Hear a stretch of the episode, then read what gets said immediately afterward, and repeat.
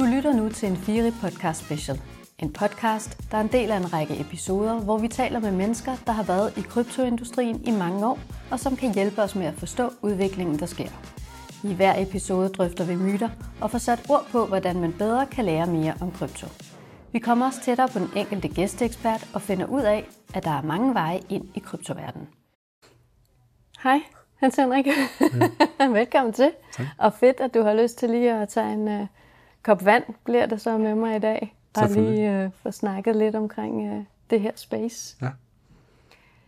Grunden til, at vi har inviteret dig ind, er jo fordi, dels du har været i kryptobranchen i rigtig mange år, så øh, synes vi, at øh, jeg synes, at du har nogle virkelig fede sådan, perspektiver på, hvorfor er det, at der sådan skal komme til at ske noget nyt i det her.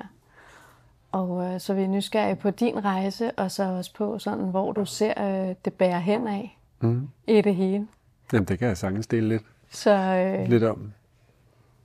Så det ville være fedt, hvis vi kunne starte der med, ligesom at øh, du forklarede, øh, altså, hvordan opdagede du krypto mm. første gang? Altså, nu ved jeg, at øh, du er meget optaget af blockchain mm. og hele den innovation, så ja. lidt omkring det, men også lidt omkring din baggrund. Ja, selvfølgelig. Jamen, jeg kan sagtens prøve at beskrive lidt omkring, hvad min, hvad min rejse ligesom mm. har været. Altså, jeg tror, at for mig har det været meget omkring teknologi. Jeg har altid arbejdet med teknologi. Jeg tror, lige siden jeg var 18 år, startede jeg at arbejde professionelt med teknologier. Og det var multimedieteknologi, og, og internet kom så i, i 90'erne. Så var tidligt inde i det.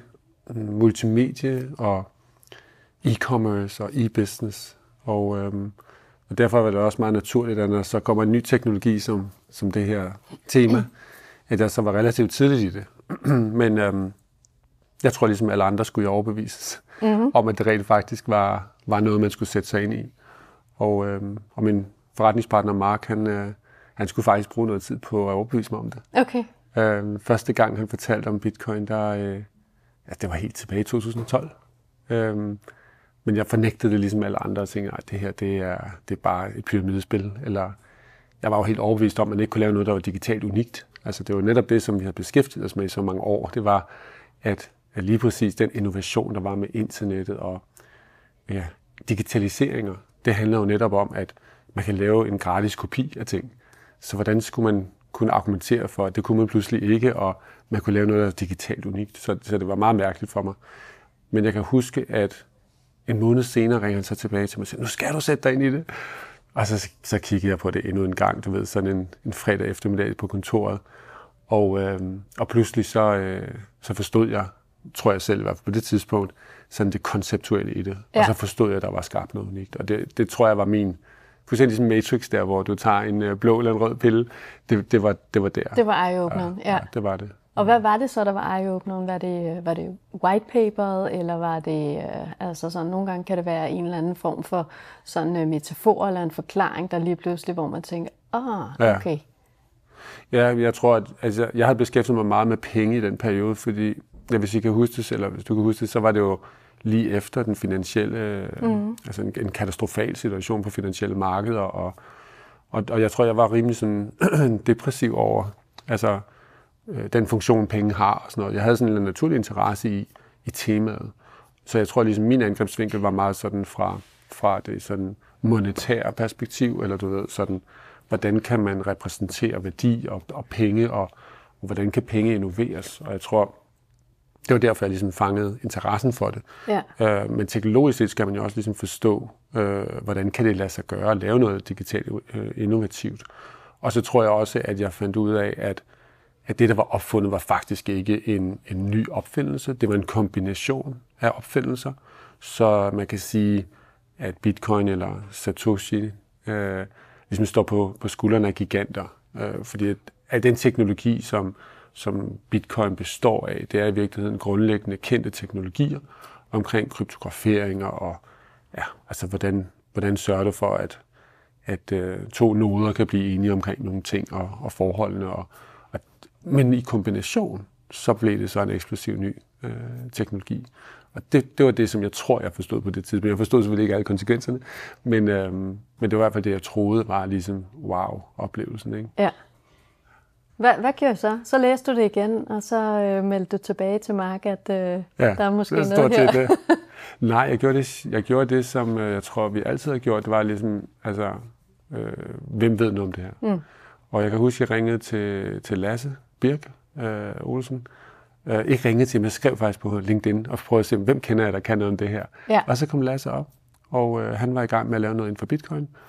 Og han var i gang med at lave noget remittance-korridor til, til Filippinerne, eller et eller andet, skrev han, men i virkeligheden købte og solgte han bare kryptovaluta. Okay. Dengang var der jo ja. kun bitcoin.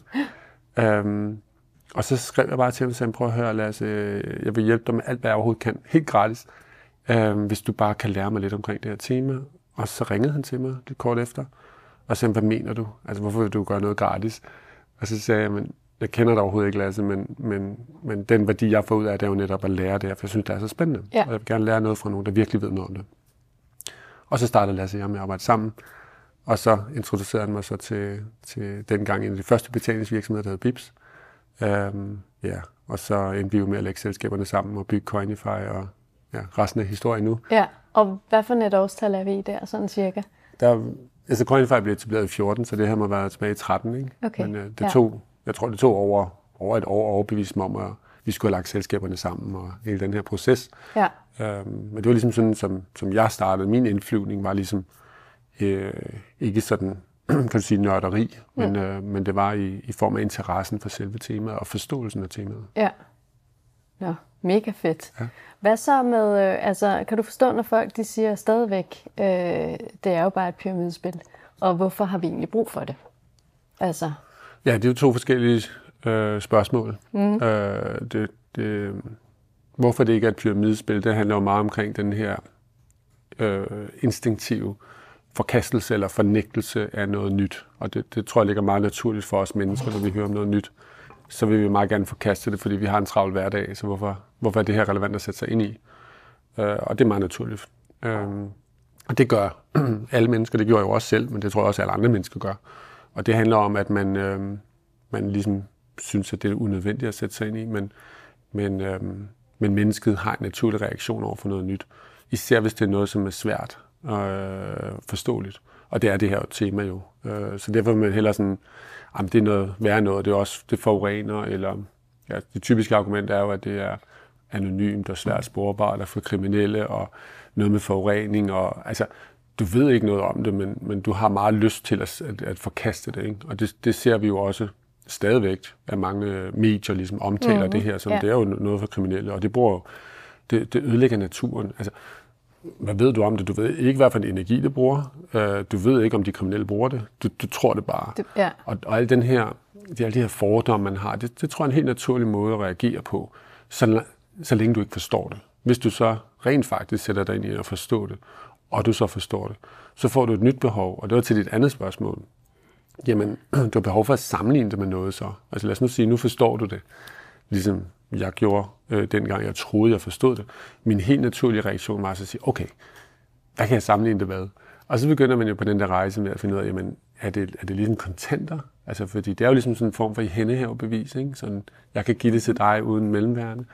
Men øh, det kunne også være ligesom mere ligesom guld, fordi man hører om, at der er den der mining-proces, og det minder jo lidt om guld, og man får at vide, at der kun er så og så mange af det her, der kan findes, og så naturlig samling er også øh, guld, indtil man finder ud af, at det er jo faktisk også en betalingsmekanisme, for det er en ting, vi kan flytte værdier, men, men teknologien laver faktisk også settlement, altså nedenunder.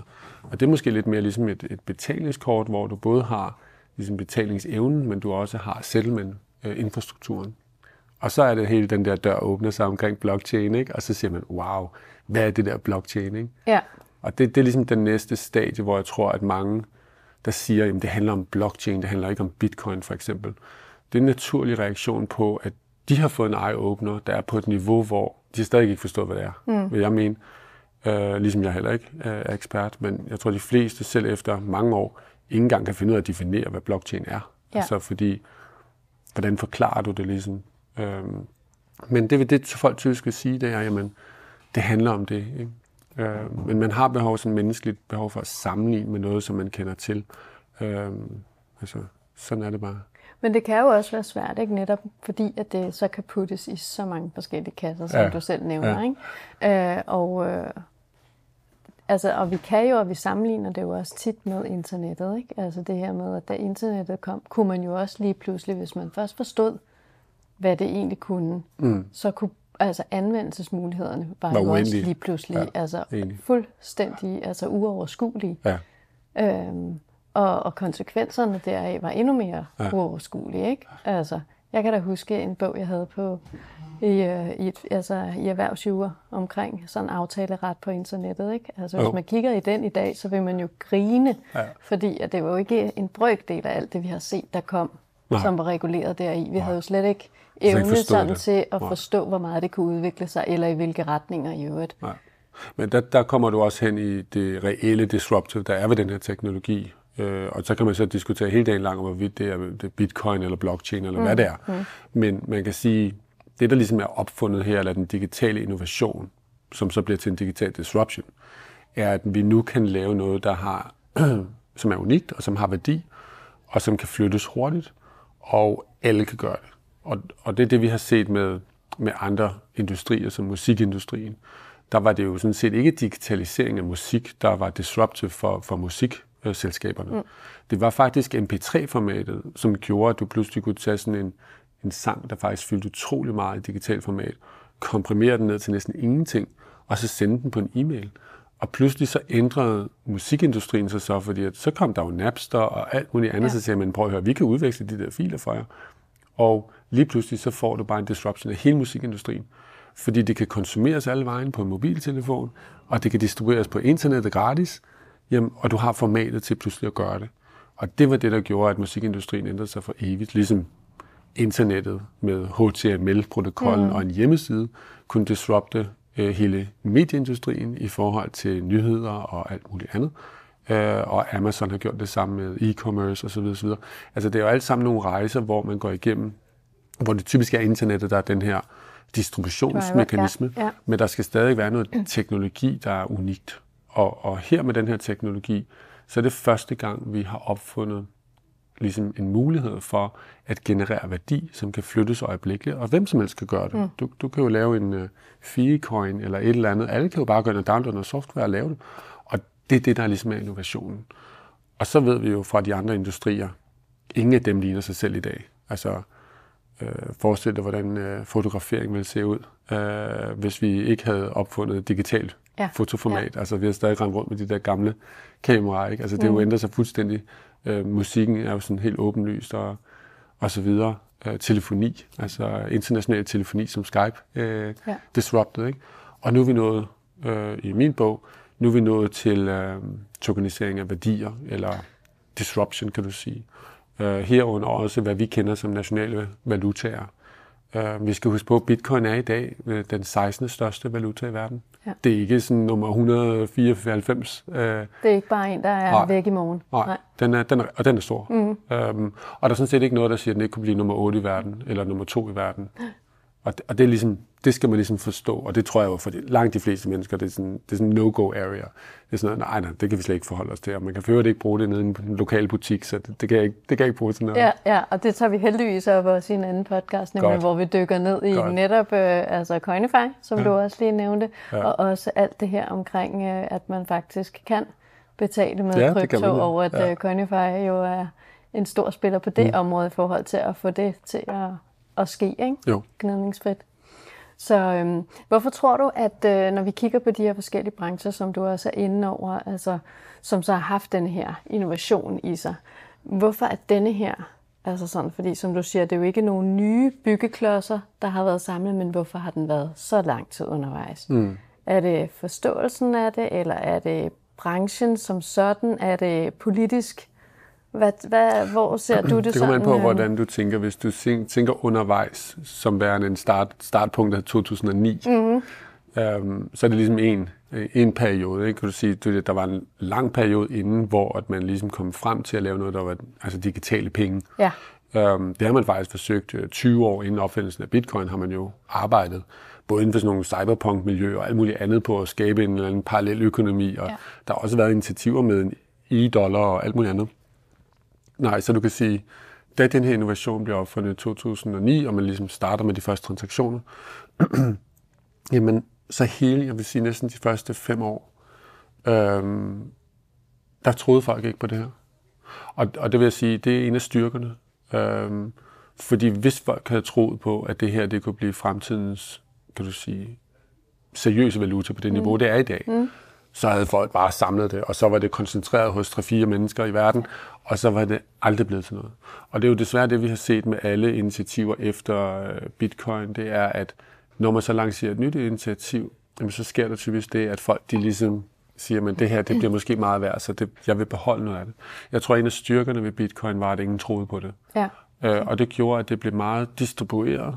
Altså, nogle af vores founders, der var med i Coinify, de har jo Altså, de har siddet og sendt 10, 50, ja, 100 ja. 1000 øh, bitcoin omkring. Øh, altså, det var dem, altså, dengang købte man jo rask væk en øl for en bitcoin uden problemer. Ja. Men hvis man havde tænkt over, hvad det ville blive i værdi, så har man måske ikke gjort det. Mm. Så en af styrkerne var, at ingen vidste, hvad det var. Øh, og dermed så blev det distribueret. Så jeg vil nok fjerne en del år i den tidshorisont, og så sige, det var den periode, hvor det ligesom blev distribueret. Mm. Efter det så blev distribueret, og vi har fået de her, kan du sige, øh, spikes, både i forhold til pris, men også i forhold til antallet af brugere. Mm. Øh, der vil jeg sige, der følger det sådan set meget en, en naturlig adaptionskurve. Øh, selvfølgelig er TikTok og ChatGPT og så videre blevet anvendt af væsentligt flere, væsentligt hurtigere, men spørgsmålet er også, hvordan, hvad er det, de i virkeligheden anvender? Mm. Ikke? Altså i dag har vi jo måske et sted mellem 3 og 600 millioner mennesker i verden, som har en eller anden form for kryptoaktiv. Ja. Og at sige, at det ligesom ikke er adopteret, vil måske være lidt af et stretch, hvis så mange mennesker i verden har det. Og hvis vi så på det som et som betalingsscheme, lidt ligesom Visa og mhm. Mastercard, mm-hmm. Mastercard jamen så er det jo et stort, øh, et stort marked af folk, som, som har nogle af de her aktiver, som kan bruge det til ja, betaling eller udveksling eller noget andet. Så jeg vil sige, grunden til, at vi måske her i Danmark ikke synes, at det ligesom går så stærkt, det er fordi, vi har så avancerede systemer. Altså, vi har slet ikke behov for det. Mm. Øh, så hvad er det for en værdi, vi ligesom kommer med som industri til et marked, som allerede kan finde ud af at betale, eller måske synes, at deres egen valuta er ret stabil, så Ja, der er tillid til systemerne, ja, ikke? Altså ja, sådan, hvorfor? at de fungerer, og alle ja, har adgang til ja, dem. Og, ja. Så du kan sige, den, øh, den incremental value, eller ja. den, den ekstra værdi, som du tilfører øh, ved at komme med sådan et produkt som, som kryptovaluta, er, er minimal i forhold til alt muligt, der fungerer. Så man så sige, jamen, så er der nogen, der spekulerer i det, og så kan man så have en hel øh, rejse omkring spekulation. Men i forhold til ligesom, anvendelsesmulighederne, så er de begrænset, fordi vi har jo et... Øh, et øh, betalingskort, der virker meget fint. Mobile Pay er også et eksempel på, jamen der har man udfyldt en, en opgave, og man løst problem. Men selv Mobile Pay har haft det svært ved at komme ind i butikkerne, og ligesom, mm altså, hvor mange bruger reelt Mobile Pay i butikkerne, man taber jo bare kortet. Præcis, så, ja. så det, er jo, det er jo dødsvært at komme ind med noget nyt teknologi, kan du ja. sige, i den sammenhæng i Danmark.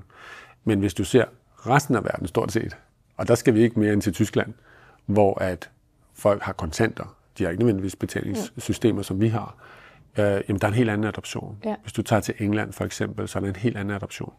USA, og selvfølgelig tredje verdens lande, hvor, at, hvor det her tema, øh, i nogle lande er det primære tema. Mm. Ja. Ja, ja, så vi har ligesom, øh, vi har det lidt for godt. Vi har det for godt. Og man kan sige, ja. at det er ikke convenient nok måske også, altså sådan, eller nemt nok at komme i gang. Der er ikke, altså TikTok og de andre, du nævnte, sådan, det har jo været et klik, og så var jeg inde, så var man i gang, og det kostede altså ikke noget, men man var ligesom med på bølgen hurtigt, ja. ikke? Ja. Hvor her, du der... har både nogle fordomme, ikke, du skal over, og du har også måske lidt sværere, altså sådan ved faktisk at skulle finde en, du ja. har tillid til, ja. og så kunne øh, købe hos, og hvorfor skulle jeg gøre det? Bestemt, bestemt. Og jeg tror, det sidste er måske, øh, altså hvad er behovet? Mm. Øhm, så, så typisk er behovet for en eller anden form for spekulativ behov, at man siger, jamen, jeg hører, at der er nogen, der har tjent nogle penge, og nu vil jeg også prøve at se, om jeg kan tjene nogle penge ja. ved, at noget stiger i værdi. Ja. Og det er jo i virkeligheden ikke sådan en, en ægte anvendelse. Altså, det er jo ikke en, det er jo bare ligesom en FOMO, eller at man har lyst til at følge med andre ja. øh, unødvendigt øh, for en eller anden funktion. Og så den spekulative anvendelse af kryptovaluta, den synes jeg ligesom er, det er ligesom et kapitel for sig. Og så er det et andet kapitel, som er øh, omkring anvendelse. Og der begynder vi jo nu heldigvis at se rigtig mange øh, brugscases, øh, hvor at hvor at kryptovaluta faktisk kan, kan løse ting, som den klassiske verden ikke kan løse. Ja.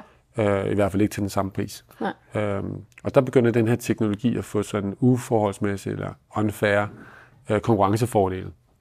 Fordi der kan du ikke bare tage det gamle øh, betalingssystem og så lige knips, og så virker det på en ny måde. Mm. Og det, det er lige præcis det, som, som centralbankerne også kæmper med, det er, at hvordan kan de innovere på deres eget betalingssystem? Fordi øh, det har de ikke gjort i så mange år, fordi der ikke været nogen konkurrenter. Mm. Og nu er der typisk, nu er der så pludselig en eller anden konkurrent som, som kryptovaluta, som rent faktisk kan, kan, kan blive flyttet jorden rundt øjeblikkeligt øh, uden friktion, ja. øh, og kan løse problemer. Øh, og det, det er svært for dem, øh, og derfor så introducerer de jo så også nogle centralbankvaluta øh, og alle mulige andre initiativer for at sige, at vi er med på vognen. Ja. Øh, jeg var inde i Nationalbank her for nylig, og hæftede mig ved, at at øh, Nationalbanken, altså jeg spurgte den bare direkte, jamen har, har, har opfindelsen af bitcoin øget øh, krav til innovation fra centralbankerne? Og svaret var klart ja. ja. Så, så hele det sådan fundamentale i, at de ser på det her område som værende, det kan godt være, at det ikke konkurrerer med national valuta, men et eller andet sted er det jo, hvis det overhovedet kan få nogen op i stolen til at innovere og gøre noget nyt, så er det jo fordi, at det på et eller andet niveau konkurrerer. Så man så sige, at det ikke nødvendigvis løser det samme opgave og sådan ting. Mm. Men, men det er men fordi, kan du kan sammenligne de to ja. ting. Så, Men jeg får lidt lyst til at blive lidt i det her, øh, altså sådan øh, CBDC'er og, øh, og Danmarks sådan, altså sådan uh, standpunkt omkring det, fordi vi ser jo store dele af Europa arbejde med at kigge på, kan vi lave altså sådan innovation, skal vi indføre CBDC, og, ja. og mange ligger jo altså både i altså ikke bare i undersøgelsesfasen, men også i pilotfasen. Ja, og selv altså. vores naboer, altså Sverige og andre ja, sådan, er, er jo tæt. Og vi er stadigvæk, altså sådan, øh, i hvert fald det, der er offentligt øh, sagt, meget tilbageholdende, ikke? Ja, vi med overhovedet at kigge ja, på det. Ja. Hvad tænker du om det? Altså sådan, fordi jeg ved, du har også lidt, øh, du ved, hvad der rører sig lidt i, på den europæiske scene, ja. ikke? Så hvordan, øh, hvad er dit synspunkt omkring det? Ja, det, er meget, øh, det er meget politisk, ikke? og det, mm. det, er, det er rigtig svært. Ja. Altså jeg kan huske, øh, vi har startet en arbejdsgruppe der i Bruxelles, hvor vi har arbejdet med regulering i, siden 2014-15 sammen med Michael Grønne fra Chain Analysis, ja. en anden meget succesfuld dansk virksomhed. Um, men det var helt tilbage i 2015, vi fik spørgsmålet første gang, hvad ville der ske, hvis en centralbank ud, altså udviklede en, en valuta direkte til, til borgerne? Ja. Um, og så er vi jo selvfølgelig henne i, i hele det her tema omkring, hvad er penge, og hvad er gæld, og hvad er det i virkeligheden en bank øh, laver, mm. når, den, når den printer pengesedler, øh, og hvad er det centralbanks funktion er. Sådan noget. Altså jeg tror, jeg tror, fordi vi har et meget velfungerende finansielt system i Danmark, sammenlignet med andre, mm. så er der ikke det samme behov. Øh, og det kan også være tilfældet inden for betalingsformidling, hvor vi også har nogle meget velfungerende systemer. Og det gør, at man måske siger, ah, altså, det er ikke noget, vi har behov for. Det kan godt være, at andre lande har behov for det, men vi kan faktisk godt øh, med kroner og andre systemer flytte værdier meget hurtigt mellem forskellige banker, og, og dermed så, så er vi all good. Ja. Øh, det kan man ikke i andre lande. Altså, det er, ikke, det er ikke udbredt, at man har sådan et system. Altså, du skal bare til Sverige for at se et uh, helt anderledes uh, finansiel infrastruktur. Uh, Tyskland, Frankrig, Italien osv. Så, videre. så, så jeg kan godt forstå, at der er andre lande, der siger, vi kunne faktisk godt se en centralbankfunktion her, med de her såkaldte centralbankudstedte uh, mm. valuta eller penge, uh, som de kalder. Men de fleste centralbanker, de arbejder med det i forhold til det, man kalder wholesale, altså ikke noget, som her fru Jensen får adgang til, men noget, man kommer til at bruge til at øh, mindske friktionen mellem banker. Mellem, ja. Ja. Og det er ligesom en lidt anden funktion, end at du lige pludselig får sådan en, øh, en punkt fra, fra den danske nationalbank, og så siger, nu har du penge stående her, i stedet ja. for de der kontanter, du har liggende i lommen. Altså, selvfølgelig er det det, der er tanken, men, men det kommer nok ikke til at ske, og det kommer sikkert ikke til at ske i Danmark. Og jeg tror, at man ikke gør det, og ikke laver de der pilotprojekter, har måske noget behov, af noget at gøre med, at man ikke føler, at man har behovet. Jeg synes, at det er, jeg synes ikke, det er særlig smart, øh, fordi man har behov for at få nogle erfaringer med det her. Fordi jeg er bange for den dag, hvor man får behov for det, at så er det for sent at reagere.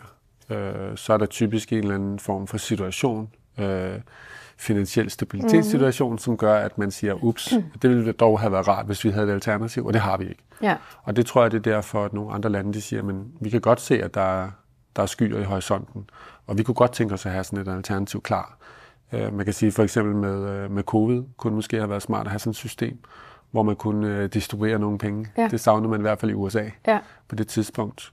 Så der, der kan sagtens være sådan nogle situationer, hvor du pludselig får behov for sådan noget funktionalitet. Men uh, i dag kan det kun løses af kryptovaluta. Ja. Hvis vi sådan her på falderæbet lige skal kigge sådan lidt fremad, Hvornår tænker du så, at øh, vi har vendt den, altså for at blive vores egen lille andendam? Ja. Altså sådan, hvornår er det, at vi kan sidde ved et middagsbord og nærmest sådan, at det er helt normalt, at vi snakker om at have kryptovaluta eller betale med det nede på den lokale café? Hvor langt er vi sådan på, på Jeg ved ikke, om du kan lide mit svar på det spørgsmål. øhm, det kommer til at ske en dag pludseligt, og det kommer ikke til at være en god dag. Øhm, desværre. Øh, og det er også historisk. Altså, når vi taler om penge øh, og, og pengepolitik og den slags, mm. så, øh, så sker der typisk nogle voldsomme ting for, for folk til at ændre adfærd, og hvem er det, de har tillid til. Jeg tror desværre, at for at du får den her såkaldte mass adoption, og du får ligesom et, et fundamentalt skifte i forståelsen af det her, det kræver, at, øh, eller ikke kræver, men det vil ske den dag, hvor at du får en, øh, et tillidsbrud med, øh, med finansielle systemer. Vi har set det før i, i lande, hvor der har været tillidsbrud. Og der behøver ikke engang være tillidsbrud. Der kan også bare være en arrestation af, af penge. Ja. Vi så det på Kyberen, øh, da man arresterede bankkonti, fordi at, øh, de var relateret til, til, til russere. Øh, og det var før invasionen af Ukraine, hvor at øh, kyprioterne selvfølgelig stod i kø ude foran deres bank. Og da de fandt ud af, at de faktisk ikke kunne hæve deres penge, som de troede, de kunne, mm. selvom de bare var kyprioter, øh, så gik de over i, øh, i kryptovaluta som alternativ. Og jeg tror, at vi kommer til at se det samme og en eller anden kedelig dag på kontoret, at, øh, at vi simpelthen vågner op og siger, nu skal jeg have fat i det her. Og den dag, så kan man sige, der får vi travlt øh, mm. på kontoret, mm. øh, men det bliver heller ikke en særlig øh, god dag. Altså det er ikke fordi, at folk har lyst, men det er fordi, at tillidsbrudet er... er det er nød. Det er nød. Ja. Mm. Øh, og det er jo ligesom det fundamentale, som jeg synes, der er spændende det her, det er, at vi taler om værdier, som er matematisk betinget og matematisk øh, at forstå, og ikke politisk. Øh, og det er heller ikke relateret ligesom i helt gamle dage, hvor man ligesom taler om, at det var guld, der var penge, hvor man ligesom havde sådan en commodity, som folk var enige om, at det her, det var penge. Mm. Øhm, I dag, der taler vi om, at det her, det ligesom er, er sådan bevisligt transparent, og, og, og det, det er 100% klart for dig om, hvorvidt du har noget, eller du ikke har noget. Og det er der ikke nogen, der kan konfiskere. Og den grundlæggende funktion, som den har af værdi, den har ikke nogen værdi i lande, hvor der er styr på tingene. Mm. Den har en værdi i lande, hvor der ikke er styr på tingene. Øhm, så, så jeg tror ikke, vi får den her generelle adoption i Danmark, fordi vi har simpelthen for gode systemer. Men, øhm, men de lande, hvor man ikke har, der sker der en adoption. Ja, hvilket jo er en del flere lande end Danmark, kan man jo så sige på global plan. Ikke? så hvis man sidder og tænker, at det aldrig sker sådan på global plan, så... Øh, så har vi set det ske. Ja, ja det har vi. Ja. Og, og, og det tror jeg også, at vi øh, vil se i stigende grad. Øh, selvfølgelig føles det, at der er stabilitet lige for tiden, mm-hmm. men øh, alt andet lige, så kommer vi ud i nogle øh, volatile perioder, og så tror jeg, at folk de vil sige, men hvad var det lige, du talte om den anden dag? Og der vil du ved middagsbordet pludselig få nogle spørgsmål, øh, ja. og pludselig vil folk sige, men Fie, øh, er det ikke en virksomhed, som handler inden for det område? Dig vil jeg godt tale med. Ja. Øh, så, så det vil jeg det vil sige, desværre er det sådan noget, der skal til ja. for den der mass adoption. Men det vi ser er jo også bare en generel adoption. Altså vi, øh, i hvert fald i forhold til Coinify, Coinify's tal, altså vi har ikke set andet end vækst. Nej. Øh, lige siden vi startede den første dag. Altså måned for måned. Vi har lige slået rekord igen den her måned. Ja, altså så, hvorfor ja. det? Ja. Altså det er jo fordi, der er noget af det her. Der skal et eller andet, ja. ja noget fundamentalt, ja. altså sådan skrevet ja. i tingene. Ja. Men vil også godt både øh, frem og øh, altså de nye generationer. Altså sådan, det er en ikke? det her med, at øh, det er en, det er en ting. helt anden måde at ja. kigge på tingene og ja. forstå værdien af digitale aktiver. Ja. Ja, altså sådan, jeg så statistikken, at uh, i min aldersklasse omkring de der 50, mm. Uh, jamen der er 4 procent, uh, der ligesom synes, at det her det er noget, der er interessant.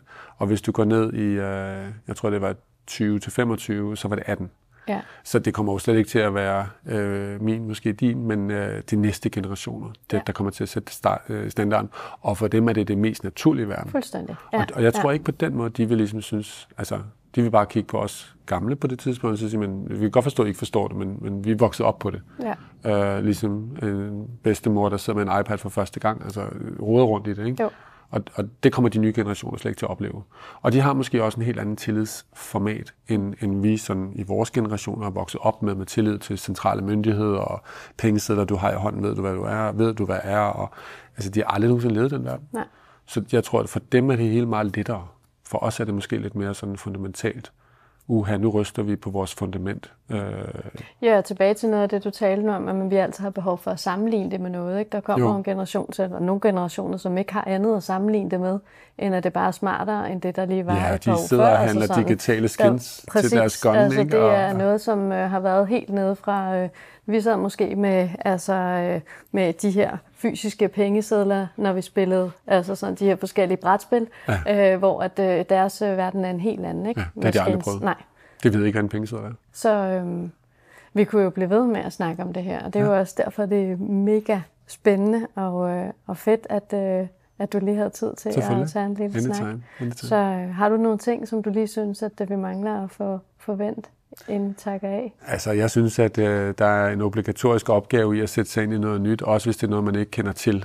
Altså, øh, som jeg plejer at sige, hvis, hvis man sidder og diskuterer det her tema med nogen, som ikke engang har sat sig ind i sådan grundlæggende ting, øh, så, så det er en svær diskussion. Og jeg tror, det er det, vi oplever øh, i vores industri, er, at, at der er mennesker, som har behov for at udtale sig om noget, de ikke ved noget om, de ikke sat sig ind i tingene.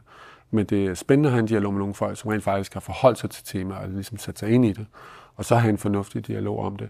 Og det, øh, det tænker jeg, at det bør alle gøre. Lidt ligesom internettet, da det kom, der sad folk jo også og havde forskellige meninger mm. der i 90'erne omkring, ah, men internettet kunne aldrig blive til noget, for man kunne ikke finde noget på internettet. Mm.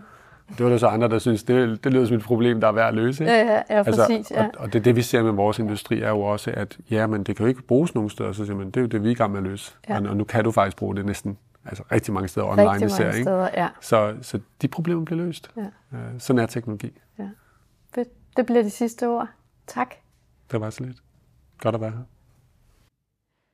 Tak til vores gæsteekspert i denne episode, og tak til dig, der lyttede med. Hvis du vil i kontakt med dagens gæst, så finder du link til profilen i noterne i episoden. Og synes du også, det er vildt god lyd, vi arbejder med, så er det fordi, vi bruger Nomono Sound Capsule. Og dem kan du finde endnu flere informationer om ved at læse på www.nomono.co eller klikke på linket i noterne. Husk at følge vores Fire podcast, så du ikke går glip af kommende episoder.